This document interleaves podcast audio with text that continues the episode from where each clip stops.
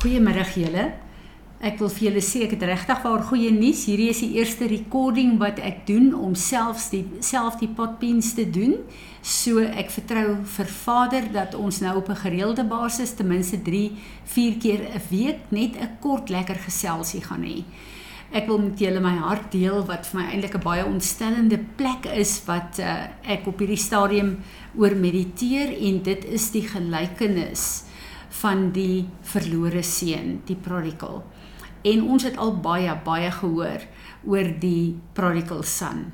En ons het almal 'n prodigal son wat ons ken wat teruggekom het na die Here toe. En ons was almal min of meer al die prodigal son wat teruggekom het na die Here toe.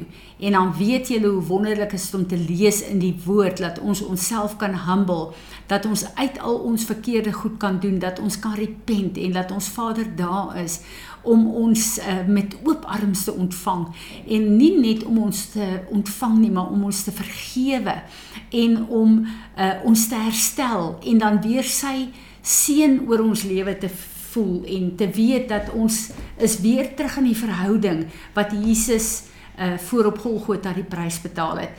En ons weet dat ons kan so goed identifiseer daarmee.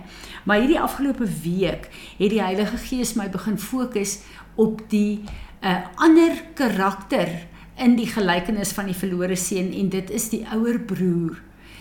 En dit is iets wat my bietjie tot stilstand bring en ek besef dat die geskiedenis van die prodigal son is van die slegste waar hy was.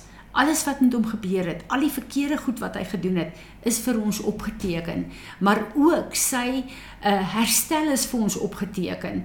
En uh, die manier wat Vader hom behandel het, sy posisie is herstel, sy plek is herstel, sy erfenis is herstel. En dit is vir ons so lekker dat ons weet hierdie is ook die eind, uiteinde van baie van die plekke waar ek en jy net eenvoudig weggedraai het van die Here af. Maar toe die verlore seun teruggekom het in sy vader se huis, het hy hom vasgeloop in die ouer broer.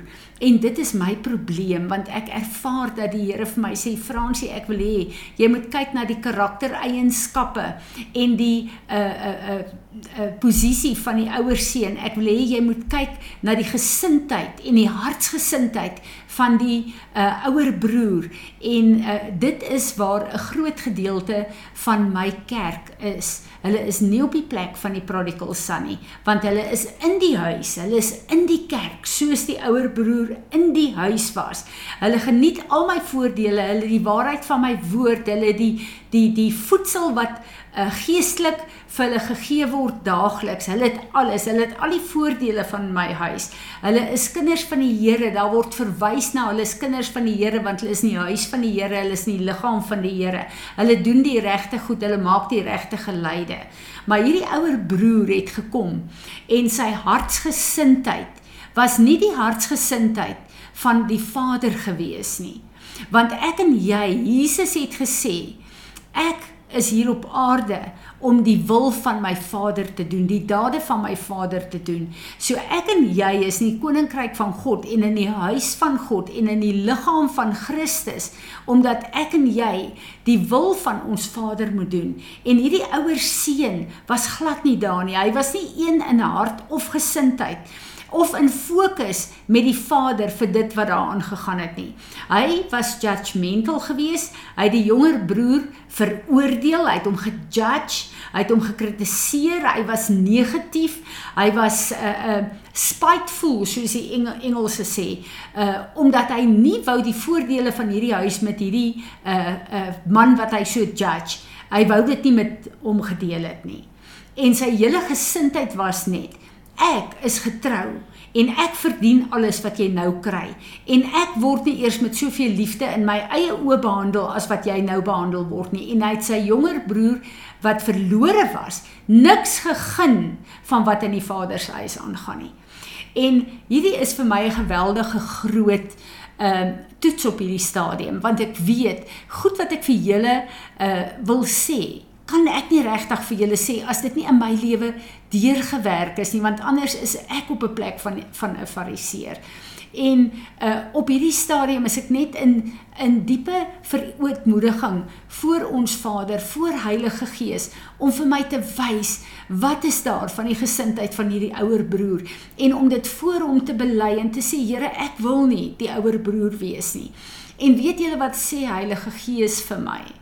Wat vir my so ontstellend is, is dat die geskiedenis van die prodigal son het die hele herstel en bevryding en genesing, die skoonmaak van hierdie prodigal son word vir ons beskryf in die fynste detail.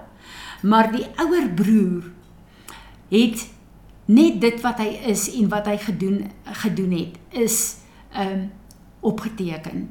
En vader het vir die ouer broer gesê: Ek is nie onregverdig teenoor jou nie. Jy is in my huis en jy geniet al die voordele wat daar is maar jy gun dit nie nou vir hierdie jonger broer van jou wat terugkom nie. En ek besef, daar is nie veel meer as dit oor die ouer broer nie, want die ouer broer se hartsgesindheid het nie verander nie. Hy het nie saam met die vader gekom en gesê, "Vader, wat kan ek doen om hierdie kind wat verlore was te help herstel nie?" Hy het homself as 'n posisie, as 'n leier in die vader se huis geplaas waar net so lank alles rondom hom goed gaan, is dit vir hom goed, maar hy gun nie die ander om Vader se liefde en se uh, ontferming uh, te ontvang nie.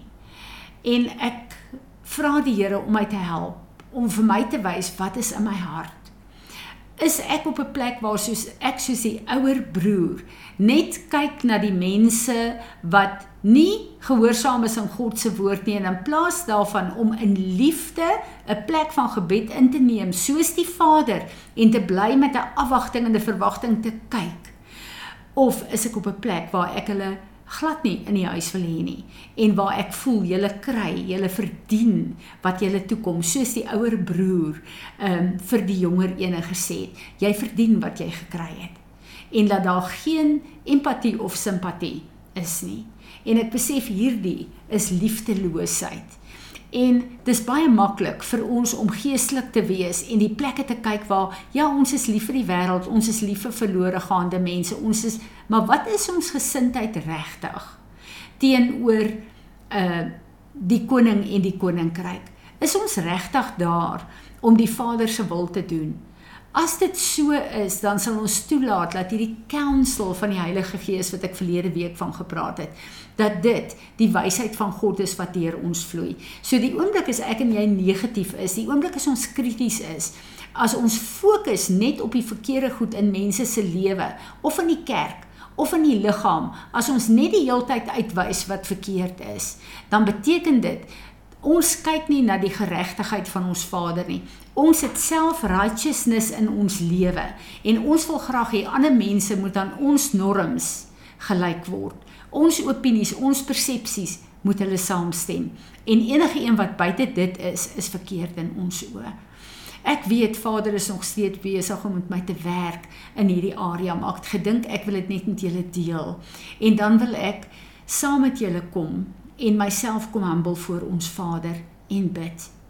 Vader, as ek voor U buig, dan buig ek in die eerste plek in aanbidding voor U. Maar Here, ek is so diep diep afhanklik van U vir hierdie areas wat U vir my uitwys, want ek weet sonder U en U genade gaan ek dit nie kan regkry nie. Maar ek wil vir U sê, Vader, al die goed wat U wil hê, ons moet mee deel in hierdie tyd op aarde. Ek wil daarmee deel en ek weet daar is niks buite ons bereik as ons aan U vashou nie. En daarom bid ek, Gees van God, dat U met U wonderwerkende, bevrydende en genesende krag in my lewe sal kom werk en dat U sal kom om vir my te help om geheilig en gereinig te word in elke area van my lewe. En Here, ek wil nie 'n oudse seun wees nie. Ek wil saam met U, ek wil in U wees wanneer U soos 'n Vader met oopgestrekte arms kom en kyk waar die herstel en die bevryding en die genesing kan kom. Help ons en wees ons genadig in die naam van Jesus.